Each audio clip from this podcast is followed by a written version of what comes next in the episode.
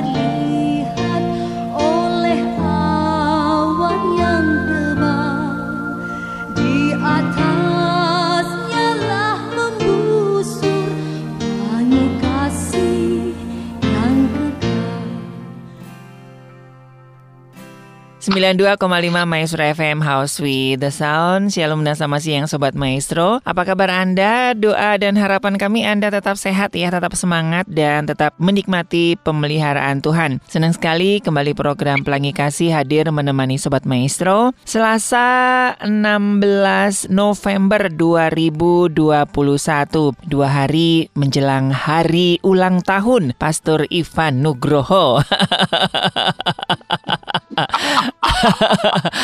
Oke, hingga menjelang pukul 12 siang nanti Sobat Maestro ya seperti biasanya ya kalau sudah ngomongin bersama uh, Pastor Ivan Nugroho pasti kita akan berbicara seputar uh, ayah dan buku Pastor Ivan ya, Ayah Tanpa Wajah dan kita sudah berada di ending daripada uh, buku Ayah Tanpa Wajah. Kira-kira seperti apa ya yang akan kita bahas? Selamat siang Pastor Ivan. Selamat siang Bro Ari yang sekarang sekarang lagi rajin ngejim. Iya dong. Selamat ulang tahun juga ya, dua hari lagi. Biar sobat-sobat maestro masih belum loh, masih belum. Iya, ya nggak apa-apa gitu kan dua hari lagi kan kita ketemu lagi nanti Desember ya pas Natalan. Oh iya buat sobat maestro nanti kalau misalkan kepingin ketemu Pastor Ivan ya bisa datang di Natal Pelangi Kasih tanggal 11 Desember 2021 ya nanti bisa ngobrol-ngobrol dengan Pastor Ivan. Oke, nah Pastor iya. Ivan kita sudah berada di penghujung buku Ayat Tanpa Wajah nih. Di sini Anda menuliskan kembali tentang generasi begitu ya? Yes. Nah kira-kira apa, apa kaitannya ayah dengan generasi? begitu, Pastor Ivan? Seperti yang pernah saya bilang sebelumnya ya di program sebelumnya uh, bahwa ternyata fungsi ayah, peran ayah dalam perkembangan anak itu sangat real dan hmm. juga sangat sangat berdampak ya. Maksudnya dampaknya itu luar biasa loh. Yeah. Effort uh, untuk orang ayah itu bisa bisa punya punya uh, dampak buat uh, anak-anak itu karena dampaknya itu bukan hanya buat anak sebenarnya ya, mm-hmm. tapi buat generasi ini gitu. Karena kita ngomongin semua ayah yang ada di dunia.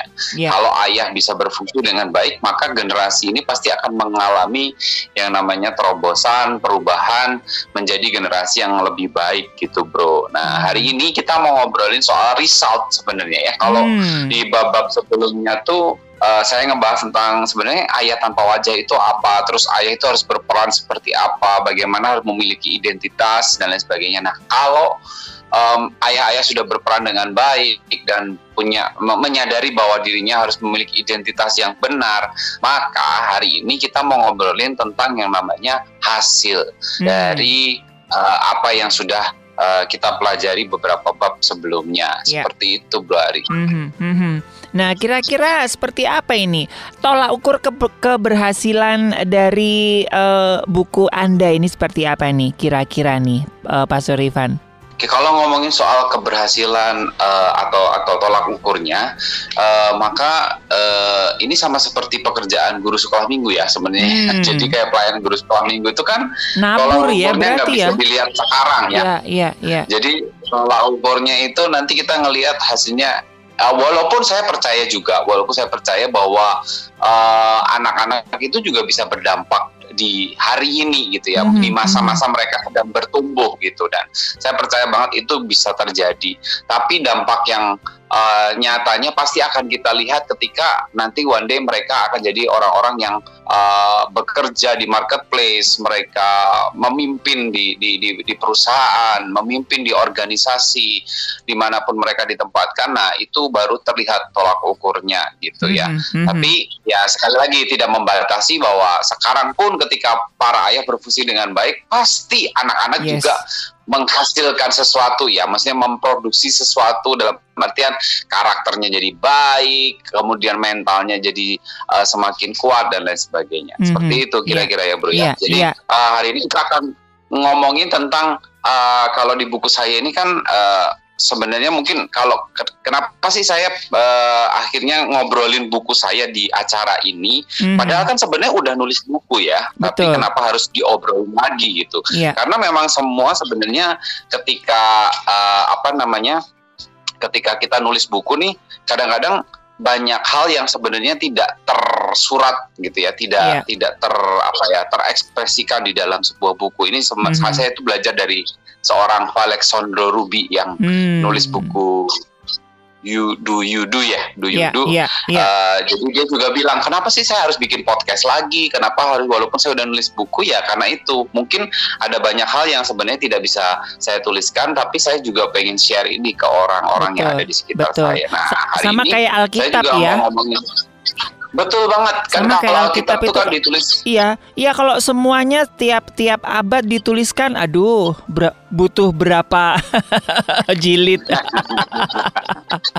Tapi inilah ya poin-poin poin-poinnya ya. Jadi poin-poinnya yeah. bisa di buku uh, ada di buku ayat tanpa wajah itu dan uh, di siaran pelangi kasih inilah kita bisa mengupas ya lebih banyak hal yang mungkin tidak terpikirkan atau mungkin juga apa namanya ya? Ya kalau diomongkan itu kan ya beda lah ya dengan kita WA dan kita telepon itu kan beda ya touchingnya ya. Iya, mungkin bahasa tulisan dan bahasa verbalnya berbeda betul, gitu ya bro ya. Betul, betul, betul. Oke. Okay. Saya rasa penulis-penulis Alkitab juga punya uh, pengalaman yang sama ya. Maksudnya mungkin mereka menulis, tapi mungkin ada sebenarnya hal-hal yang, Ih, kayaknya ini juga harus diobrolin nih. Makanya tugasnya para pendeta sekarang adalah menginterpretasikan apa yang sebenarnya menjadi pikiran para penulis kitab-kitab hmm. zaman dulu. Gitu. Betul, betul, betul. Nah, makanya hari ini saya pengen ngobrolin nih Bro Ari tentang result yang mm. uh, buat generasi ini ya karena ini sekali lagi dampaknya tuh besar banget dampaknya yeah. efeknya tuh jangka panjang dan long lasting lah menurut saya mm -hmm. uh, buat generasi generasi berikutnya itu juga uh, bakalan bakalan impactful lah ya. Yeah. Jadi kalau ayah itu berfungsi dan ayah itu uh, memiliki identitas yang benar di hadapan Tuhan, maka yang kalau saya di buku saya tulis itu ada yang namanya generasi yang kuat. Hmm. Generasi yang kuat ini bicara soal kalau misalnya personalnya ini kalau generasinya ini kan bicara soal globalnya semua ya. Yeah. Tapi mungkin lebih ke personalnya itu bicara soal pribadi yang kuat ya karena uh, ketika ayah berfungsi dengan baik, ketika ayah tahu apa yang harus dilakukan, ketika ayah tahu tanggung jawab dan mandat apa yang harus uh, dia perbuat di rumah dan itu jadi jadi jadi bukan hanya sekedar teori tapi dia benar-benar melakukannya maka sebenarnya setiap anak itu mengalami proses yang namanya uh, emotional secure jadi hmm. uh, mereka tuh ngerasa bahwa oh ya ah, hidupku aman sebenarnya yeah. gitu walaupun sebenarnya anak-anak tahu bahwa di tengah-tengah uh, hidup mereka itu misalnya mereka ada di sekolah mereka ada di rumah mereka tahu tahu sebenarnya itu bakal ada banyak sekali tantangan-tantangan ya. Mungkin hari-hari tantangan tantangan mereka tuh nggak nggak yang seberat orang dewasa tapi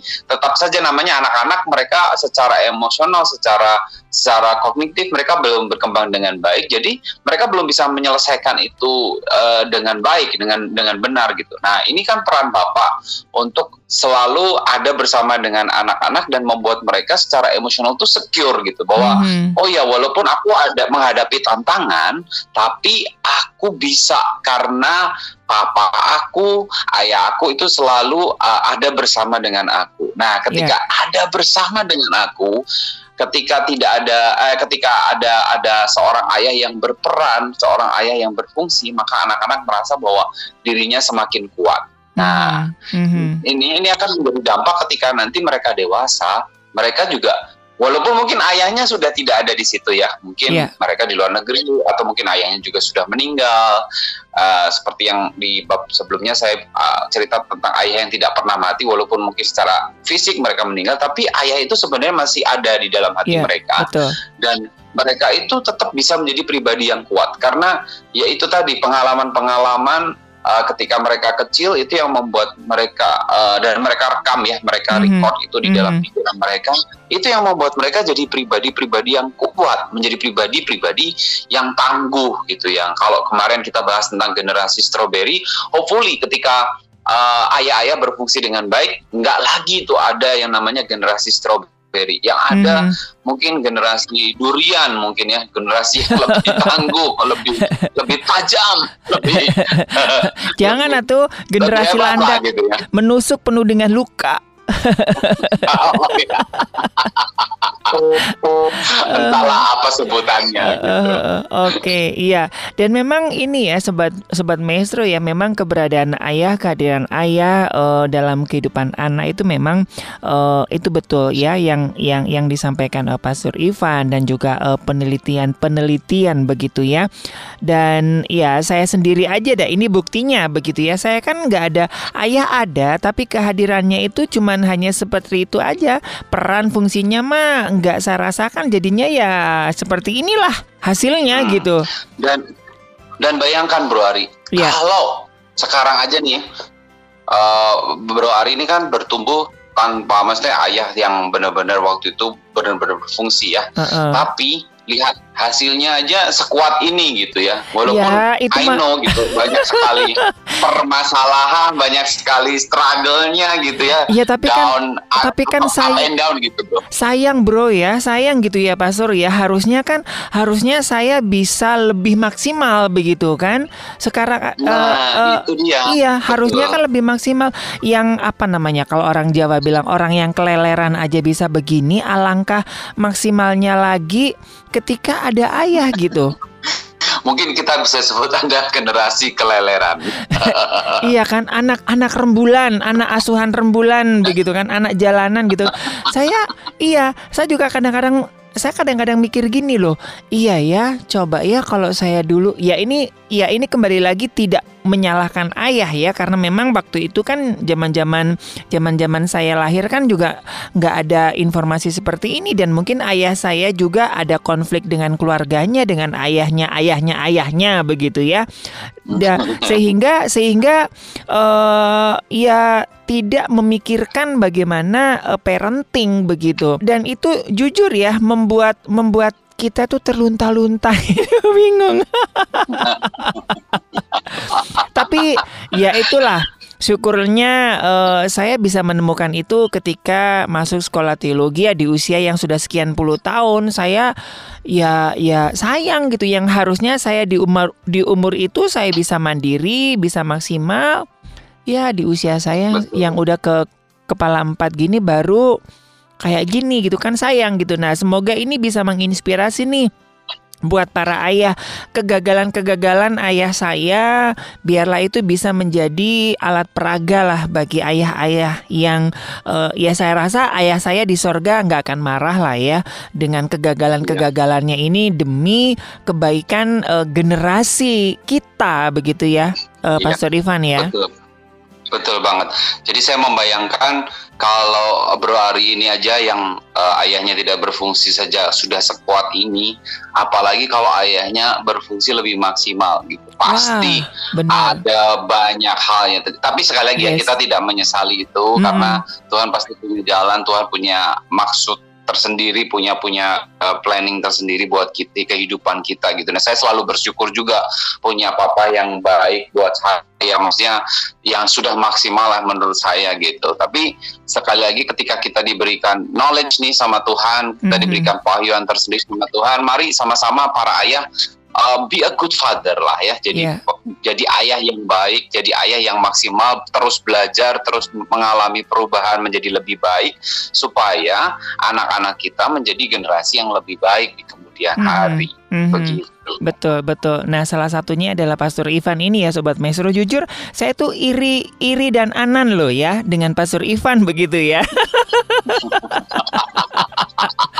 wow, dan dan dan inilah uh, ya ya saya sering sharing begitu Pastor Ivan dapat seorang dalam dalam tanda kutip ya ketemu bapak yang memang betul-betul menjalankan uh, peran dan fungsinya ya bapak rohani ya sehingga memaksimalkan potensi Pastor Ivan begitu. Wah udah keliling dunia udah ke mana-mana begitu. Kadang-kadang iya ya saya kok nggak nemu bapak yang kayak begitu ya?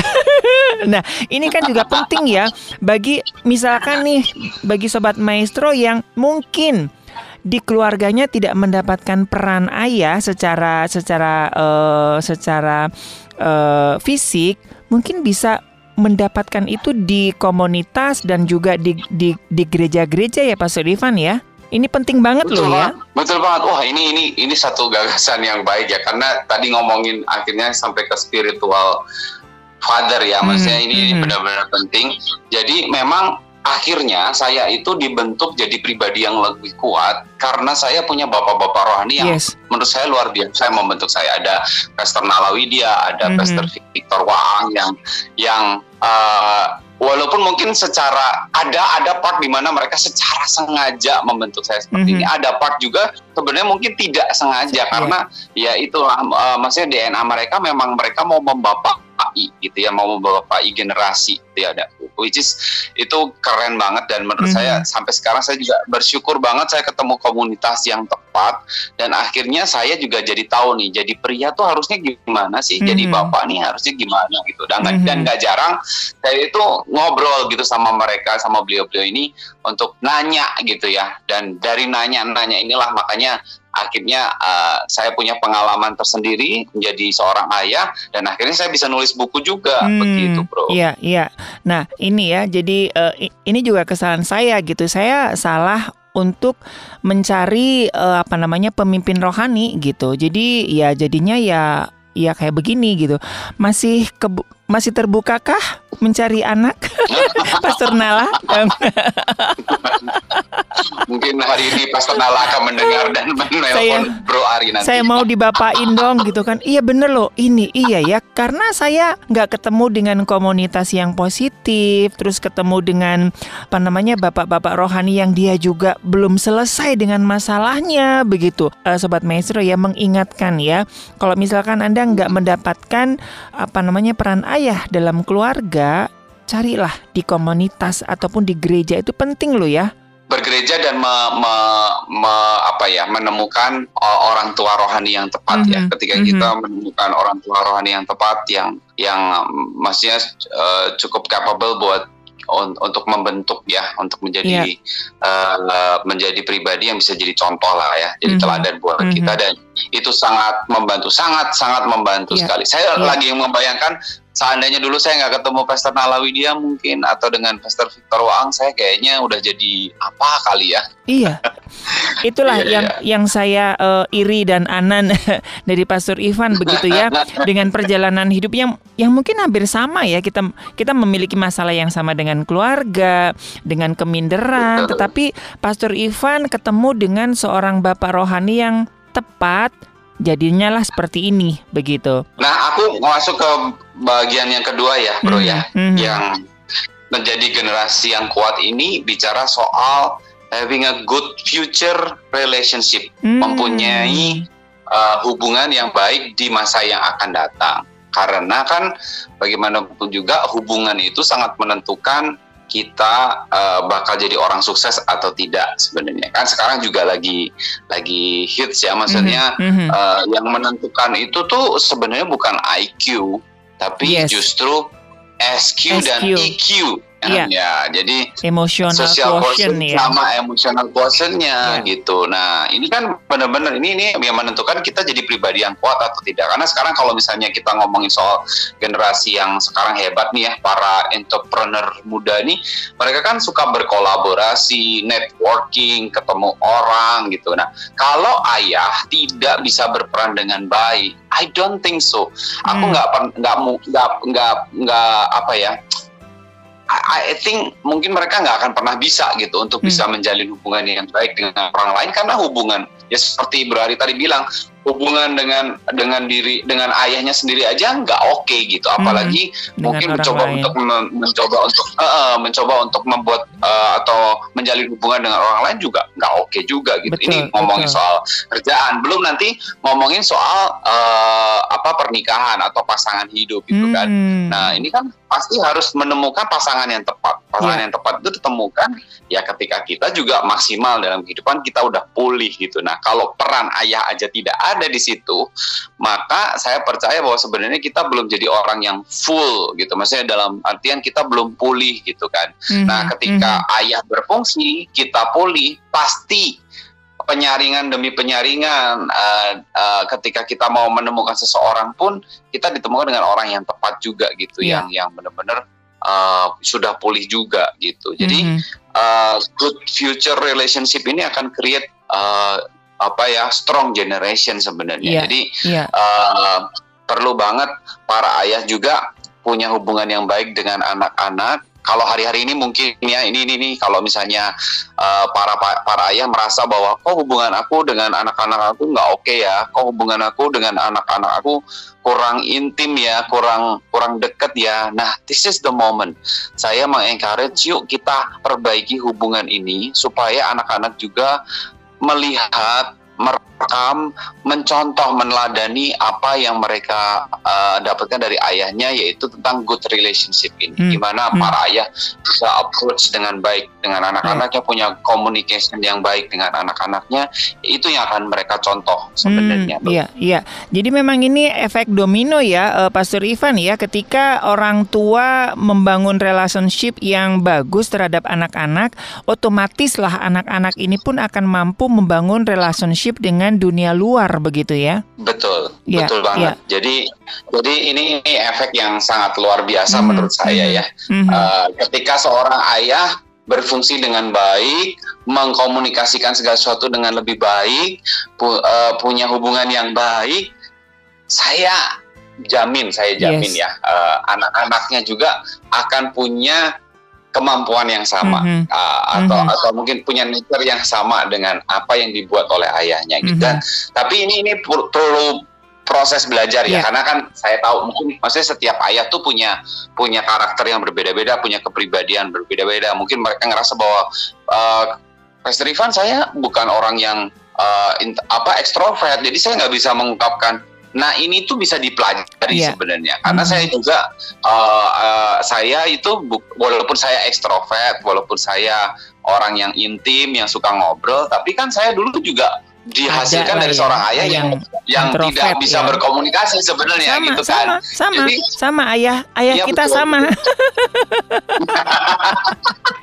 Jadi komunis, komunikasi kita itu berhasil dari pembelajaran sebenarnya. Yeah. Saya kan makanya waktu remaja tuh ikut ikut uh, apa? Hmm. uh, ikut organisasi itu dengan dengan uh, dengan tujuan tuh sebenarnya pengen tahu gitu pengen gimana sih supaya saya lebih pede lebih Nah, ini kan sebenarnya yang dialami anak-anak kita juga yeah, ya. Mungkin yeah. mereka juga pengen belajar gitu untuk berteman yang baik itu seperti apa yeah, sih? Yeah, Menjalin yeah. pertemanan uh, hubungan yang baik itu seperti apa? Tapi Betul. kalau papa tidak pernah memberi contoh, apalagi nih ya, bukannya malah uh, memberi contoh yang baik, tapi justru toksik gitu ya. Maksudnya hmm. omongannya jahat, omongannya negatif, yang ada juga bukannya pujian, tapi malah cercaan dan yeah, makian. Yeah I don't think so anak-anak akan bertumbuh dengan maksimal gitu. Mm -hmm. Jadi harusnya nih anak-anak bisa mencapai satu target tertentu nih dalam kehidupan mereka one day gitu ya. Tapi karena kita nggak mau belajar, kita sebagai seorang ayah nggak memperbaiki diri, wah kasihan banget ya generasi betul, berikutnya gitu. Betul, betul, betul. Iya, iya. Ayah saya juga seperti itu Pak Surifan. Jadi nggak pernah ngobrol dengan uh, anak, anak juga namanya juga siapa nggak tahu gitu kan. Cuma taunya Ari, tanggal lahirnya nggak tahu, terus cara komunikasinya nggak tahu dan itu pun nurun gitu loh. Dalam tanda kutip ya kayak seperti saya. Nah Pak, nah, Pak Surifan kan tahu kan sahabat saya di STT siapa? Sama Ginting, wai. Ginting nggak ada ya udah nggak ada siapa-siapa. nggak bisa membangun relasi gitu loh. Di di tim mapet juga ya itu baru belajar lah sama siapa dengan dirimu, dengan Chandra, dengan dengan apa namanya dengan si si si, si Tineke itu pun kan sebetulnya ada ada konflik-konflik kan yang yang sebetulnya gitu. Dan dan pasti Bro Ari juga tahu ya waktu waktu masa-masa itu tuh saya cukup pendiam, saya dan garing, nggak bisa apa-apain gitu. itu yang itu itu yang mau Ketika saya pertama kali pertama kali disuruh jadi badut ya untuk untuk acara Iya. sekolah minggu pergumulannya luar biasa Iya. saya. Nah ini Sobat Maestro ya, seperti Pastor Ivan tadi katakan ya, bahwa itu bukan alasan buat kita untuk tidak bisa berkembang, semua itu bisa di-upgrade ya. Pastor Ivan dulu itu kalau ngomongnya tuh garing banget, guyonannya itu garing. Tapi, nah kita sekarang ya, kita lihat bagaimana ketika Pastor Ivan eh, ketemu dengan Bapak Rohani yang tepat, terus bisa mengembangkan semuanya. Jadi eh, dengan keluarga yang mungkin dalam tanda kutip yang tidak maksimal dengan introvert itu sebetulnya bukan alasan untuk kita eh, tidak bisa mengembangkan eh, skill eh, of life ini ya Pastor Ivan ya. Sekarang Betul, aja kita bisa betul. lihat eh, Pastor Ivan seperti apa. Kalau tahu dulu ya sobat maestro, garing banget bener deh. Kalau dimi- di- diminta ide, oh kita mau ngapain hari ini, pasti saya Iya, paling diam. Mas iya. Ari yang Dan yang lebih kreatif. Dan garing gitu. Kalau mau buat humor juga humornya garing banget gitu. Tapi sekarang luar biasa saya eh, selalu mengikuti perkembangannya ya. Saya bersyukur begitu ya. Eh, apa namanya eh, salah satu inspirasi saya begitu ya Pastor Ivan ini eh, dengan eh, ya saya sedikit banyak tahu lah begitu awal masuk Bandung dengan hatinya kepada anak-anak ya zaman dulu ya awal-awal kita ketemu ya dengan anak-anak yang. Ambon itu yang masih di jalan Dewi Sartika sampai sekarang akhirnya Tuhan percayakan dan wow udah kelas dunia begitu dan nah itulah sobat maestro jadi nggak ada alasan untuk kita tidak bisa mengembangkan skill ini begitu ya dan saya melihat anak-anaknya juga kuat loh karena bapaknya juga kuat Amin. Amin. oke selanjutnya seperti Yang apa berikutnya, Bro. Hmm, Nah, tadi kalau kita ngebahas generasi yang kuat, sekarang kita membahas generasi yang sehat, ya. hmm. Eh, ini kuat eh, ini se- secara mental ya lebih banyak secara mental ya secara spiritual Sebenarnya semuanya secara mental spiritual yes, tapi Fisik- kalau yang fisik sehat ini juga secara ya? fisik juga. oh Sebenarnya ternyata secara saintifik itu itu fisik juga mempengaruhi. Jadi aduh eh, benar ba- para ayah yang berfungsi dengan baik, anak-anaknya itu sebenarnya fisiknya juga akan lebih baik. ngerti nggak? Jadi, Hmm, betul Eh, betul Karena kan pasti eh, ya of course eh, karena kan secara psikologis itu mempengaruhi fisik ya. Mhm, Maksudnya mhm. kalau anak anak dimarahin terus, anak diancam terus, anak dicaci maki terus, I don't think mereka jadi makannya jadi lebih enak, makannya jadi lebih eh, teratur, pasti akan Mhm. mengalami pergumulan-pergumulan juga dari sisi fisik gitu. Betul, jadi kalau kita betul. ngomongin mental apa eh, generasi yang sehat ini bicara, bicara juga soal generasi yang memang secara fisik Secara juga fisik. sehat, Hmm. secara mental dan juga secara spiritual. Mhm, mhm. Saya seumur hidup saya belum pernah lihat papa saya olahraga. Makanya saya nggak terlalu care dengan olahraga. Karena nggak pernah lihat. Ternyata itu Iya. juga pengaruh Papa juga. saya, Mhm. papa saya olahraga, tapi nggak pernah ngajarin saya olahraga. Oh. Gimana, bro? saya olahraganya lompat tali waktu itu, lompat tali, terus main bekel Oh, oke. gitu. Soalnya di soalnya dimarahin ribut berisik di rumah katanya begitu. Lari pagi juga eh, Iya, pagi-pagi iya, udah keluar rumah nggak boleh gitu kan. Udah bingung sayanya juga gitu kan. Jadi entahlah orang betul betul. Jangan tiru ya papa saya ya. Jadi tapi ya itulah justru itu menginspirasi saya gitu kesalahan-kesalahan papa saya dan ke dalam tanda kutip ya ke hidup saya yang nggak karu-karuan itu juga oh ini ternyata ini ya rencana ya setiap kita mempunyai jalan hidup masing-masing dan Tuhan mempunyai rencana di situ. Mungkin itu cara Tuhan ya menitipkan benih-benih ilahi begitu ya. Waduh ini berat. Iya iya. Tadi kalau secara fisik uh, anak-anak jadi lebih sehat, hmm. pasti uh, mereka bertumbuh jadi lebih baik. Uh, yang kedua itu mentalnya juga ya, mentalnya yeah. mereka juga sehat. Itu jadi uh, karena kan kebutuhan emosional terpenuhi. Gitu. Mm-hmm. Jadi ketika ketika kebutuhan emosional terpenuhi, jadi efeknya juga umurnya jadi lebih panjang. Mm-hmm. Kalau kita ngomongin soal kesehatan ya, mm-hmm. tapi kan umur di tangan Tuhan sebenarnya. Mm-hmm. Cuman maksudnya, uh, of course happiness anak-anak itu kan sangat ditentukan oleh para papa mamahnya ya, mm-hmm. uh, terutama mm-hmm. buat papa yang ini papa ini benar-benar luar biasa lah berari jadi kayak papa itu sebenarnya kayak di rumah tuh sebenarnya atmosphere builder sama uh, saya sebutnya itu uh, culture engineer gitu. Jadi mm. uh, apa ya?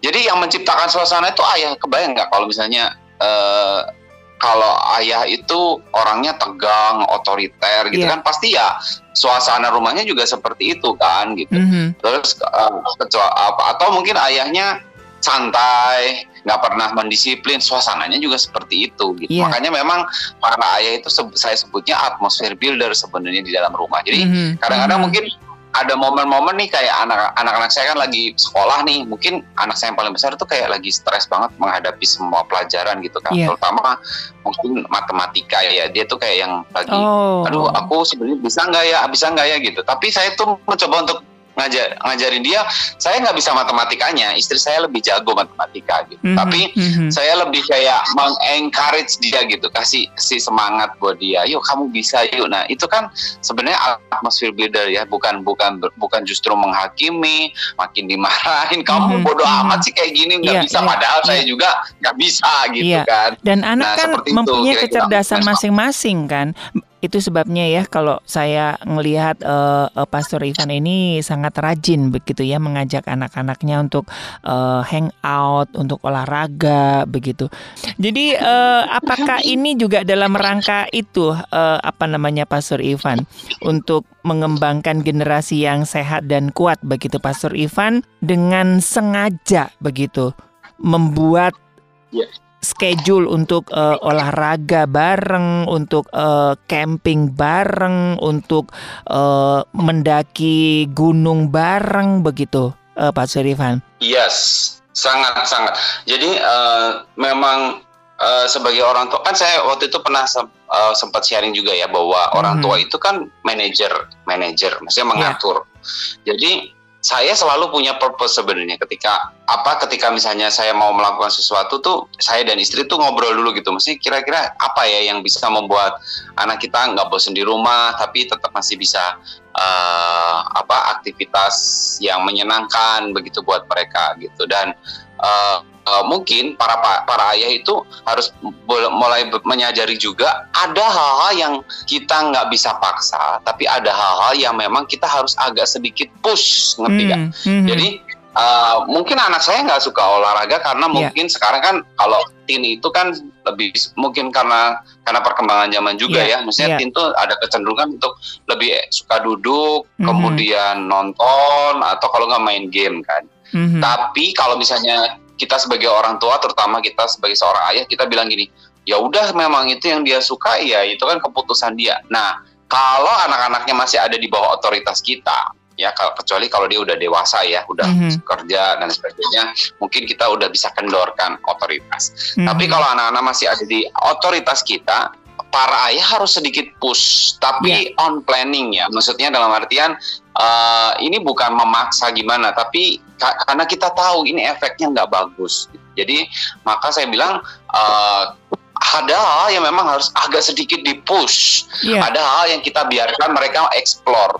kadang eh, kadang-kadang kalau misalnya memang mereka lagi mau bermain berantakan, saya kadang-kadang biarin. Tapi ada kalanya saya bilang kamu harus beresin gitu dan tapi beresin dalam artian saya uh, berikan warning ya, maksudnya supaya mereka juga belajar untuk uh, memanage barang-barang milik mereka gitu. Jadi mm-hmm. termasuk termasuk di dalamnya ketika saya ngajari mereka uh, ke gereja dan ibadah gitu ya atau yeah. misalnya pertemuan-pertemuan di luar ibadah saya agak sedikit push di awal saya nggak mau uh, sekali lagi bukan berarti saya kan kayak gitu nggak bisa dipaksakan nah yeah. Karena kalau ini kan namanya basic boring ya maksudnya mm -hmm. basic boring dalam dalam dalam kehidupan spiritual itu kayak doa itu tuh sebenarnya uh, buat kita tuh nggak secara alamiah mau gitu. Siapa sih Mhm. yang mau doa? Kayaknya nggak ada ya. Siapa yang mau ke ibadah? Kayaknya nggak ada. Tapi kalau kita sebagai orang tua tuh ada part di mana yuk kita ajarin mereka disiplin. Ketika mereka udah biasa, nanti mereka akan punya habit sendiri kan gitu. Tapi Mhm. ada part di mana kita dorong dulu gitu. Makanya dari kecil juga saya itu membiasakan tuh Clayton. Ini dalam rangka mungkin buat para ayah juga belajar ya misalnya gini. Ketika misalnya harus ke gereja, sementara hari Minggu tuh biasanya bangunnya siang gitu ya. Nah, saya akan sedikit uh, memaksa Clayton untuk, eh Clayton kita harus ibadah gitu. Jadi Hmm. Uh, ada pas seperti itu. Atau doa pagi, doa pagi kan jam 5 ya biasanya. Nah, anak saya belum bangun, saya angkut aja masukin mobil, Hmm. dia ikut doa gitu. Jadi bukan bukan mereka yang mengikut, Ngatur bukan kita, kita, ya. yang ngikutin jadwal mereka, tapi Mhm. mereka yang ikuti jadwal kita. Karena ya itu tadi dalam rangka menciptakan generasi yang lebih baik dengan Hmm. uh, mental yang lebih kuat seperti itu. Bro. Betul betul. Saya juga ingat ya ada seorang teman saya ya artis rohani begitu. Jadi eh, ini hanya hal prinsip gosok gigi begitu ya. Jadi eh, ya dia habis habis pulang eh, pelayanan capek gitu kan dia pura-pura tidur tuh di mobil. Dia pikirnya akan di, di diangkat orang tuanya, dibiarin ya udah biar eh, bobo begitu. Enggak, dia digendong, dimasukin kamar mandi. Untuk gosok gigi. Wow, Soalnya itu penting. that's good idea. Iya. Eh, Aduh, apa namanya dia pura-pura apa namanya eh, tidur-tiduran gitu kan di mobil gitu kan. Ah capek. Ah udahlah, mungkin orang tuanya kompromi lihat anaknya capek, mungkin nggak tega begitu ya. Eh ternyata dia mempunyai seorang ayah gitu. Dia diangkat terus dimasukin kamar mandi loh. dia mau tidak mau akhirnya gosok gigi terus tidur begitu kan. Betul.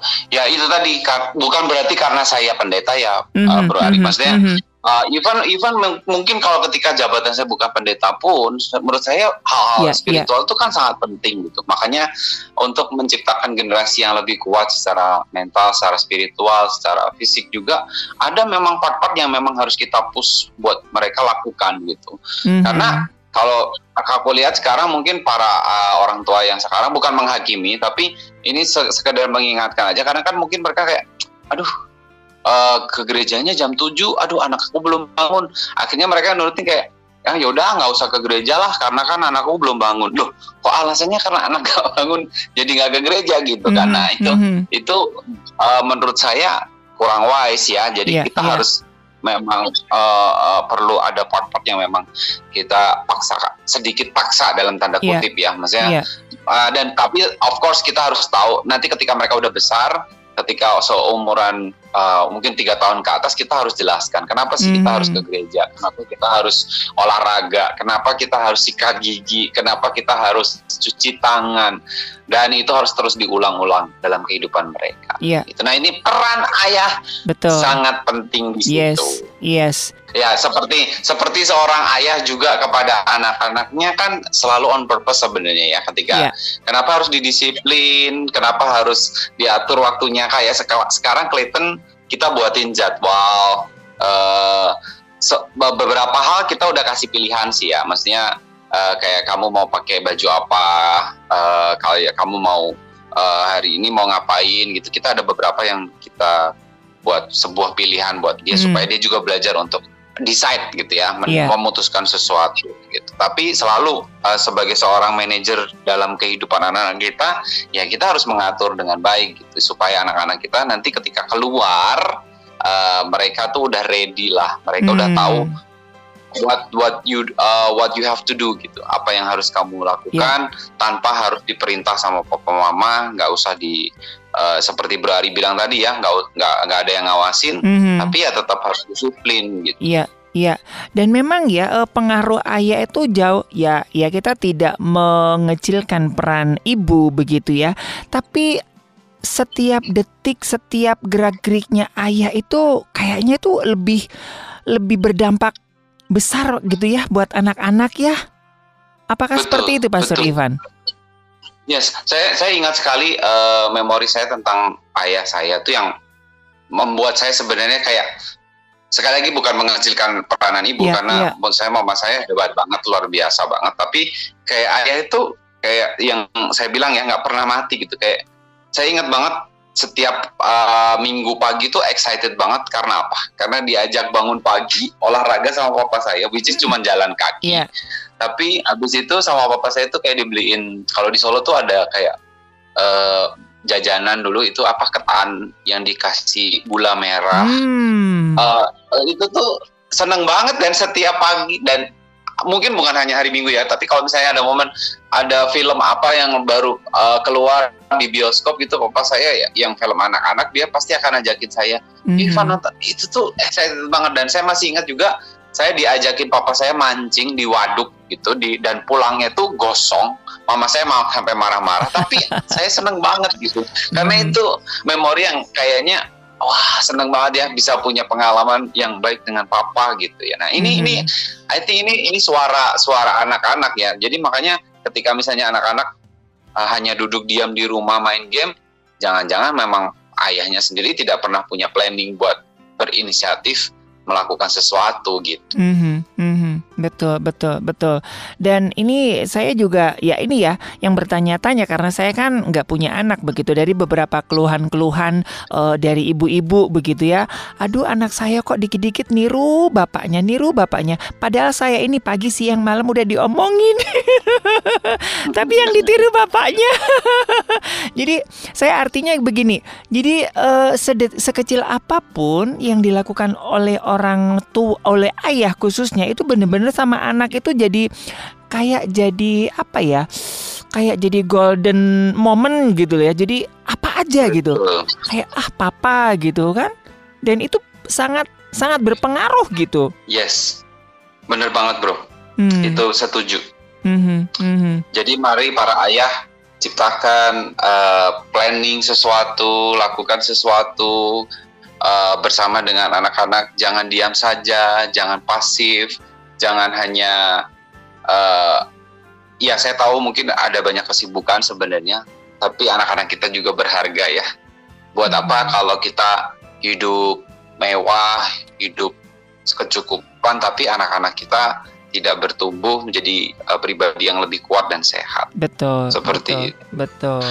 Dan oh. bagusnya lagi berarti mm. ketika uh, apa tadi generasi yang kuat, generasi yang sehat, sehat. tadi uh, akan berdampak kepada mengurangi masalah behavior sebenarnya ya. Hmm. Karena kan sekarang ada banyak masalah-masalah uh, apa ya sikap, yeah. perkataan anak-anak yang kurang oke okay menurut saya ya. mungkin mm -hmm. di sosial media kah, bagaimana mereka cara posting di sosial media, uh, cara ngomong mereka kasar dan lain sebagainya. Nah, ketika ayah-ayah bisa berperan dengan baik, uh, I think uh, itu semua bisa diminimalisasi hmm, ya. Setuju. Aku ah, sangat sedih sih kemarin ngelihat di TikTok karena kan aku ada TikTok juga ya. Kemarin lihat di TikTok tuh ada satu anak yang umur 10 tahun kalau nggak salah yang kalau nggak salah tuh dia lagi minta sesuatu sama ibunya nggak dikasih terus ibunya tuh kayak ditendangin, mm -hmm. dipukulin mm -hmm. lagi mm -hmm. lagi jemur pakaian yeah, yeah, gitu betul, ya. betul.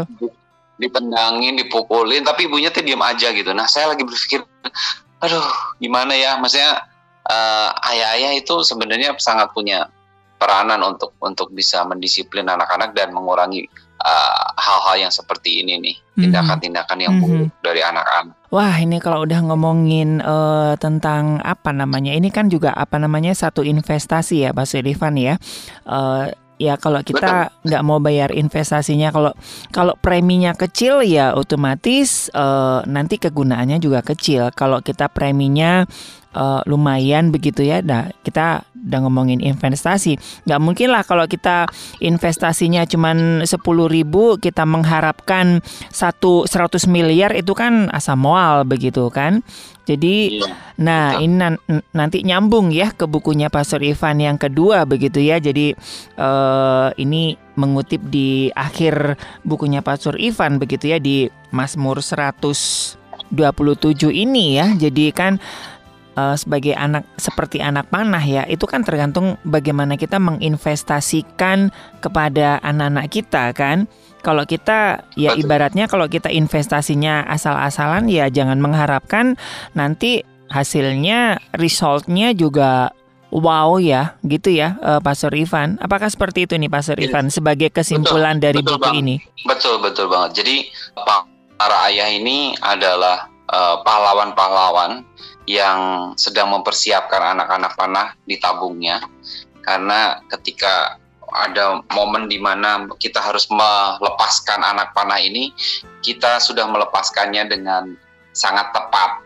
sasaran gitu ya. Hmm. Uh, makanya hari-hari ini kalau engkau sedang dipercayakan masih memproses uh, apa yang sedang uh, kita persiapkan yaitu anak-anak kita, maka lakukanlah itu dengan maksimal. Mulai yeah. dari mungkin uh, mempersiapkan uh, anak panahnya itu mungkin uh, kayunya yang tepat, kita pilih yang tepat, kemudian besinya harus di di di apa namanya digosok dengan tepat supaya nanti pas banget sasarannya sesuai dengan apa ya bukan bukan kehendak kita tapi kehendaknya Tuhan gitu. Maksudnya hmm. anak-anak kita boleh melakukan uh, kebenaran, boleh melakukan apa yang Tuhan mau dalam sepanjang umur hidupnya.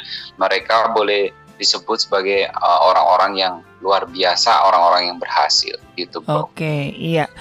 Oke, sekali lagi terima kasih Pastor Ivan buat siang hari ini sudah berbincang dan kita sudah menuntaskan apa namanya buku Ayat Tanpa Wajah begitu ya. Kita tunggu buku selanjutnya dan bagi sobat maestro yang mungkin uh, nanti bisa hadir ya Pastor Ivan ya tanggal 11.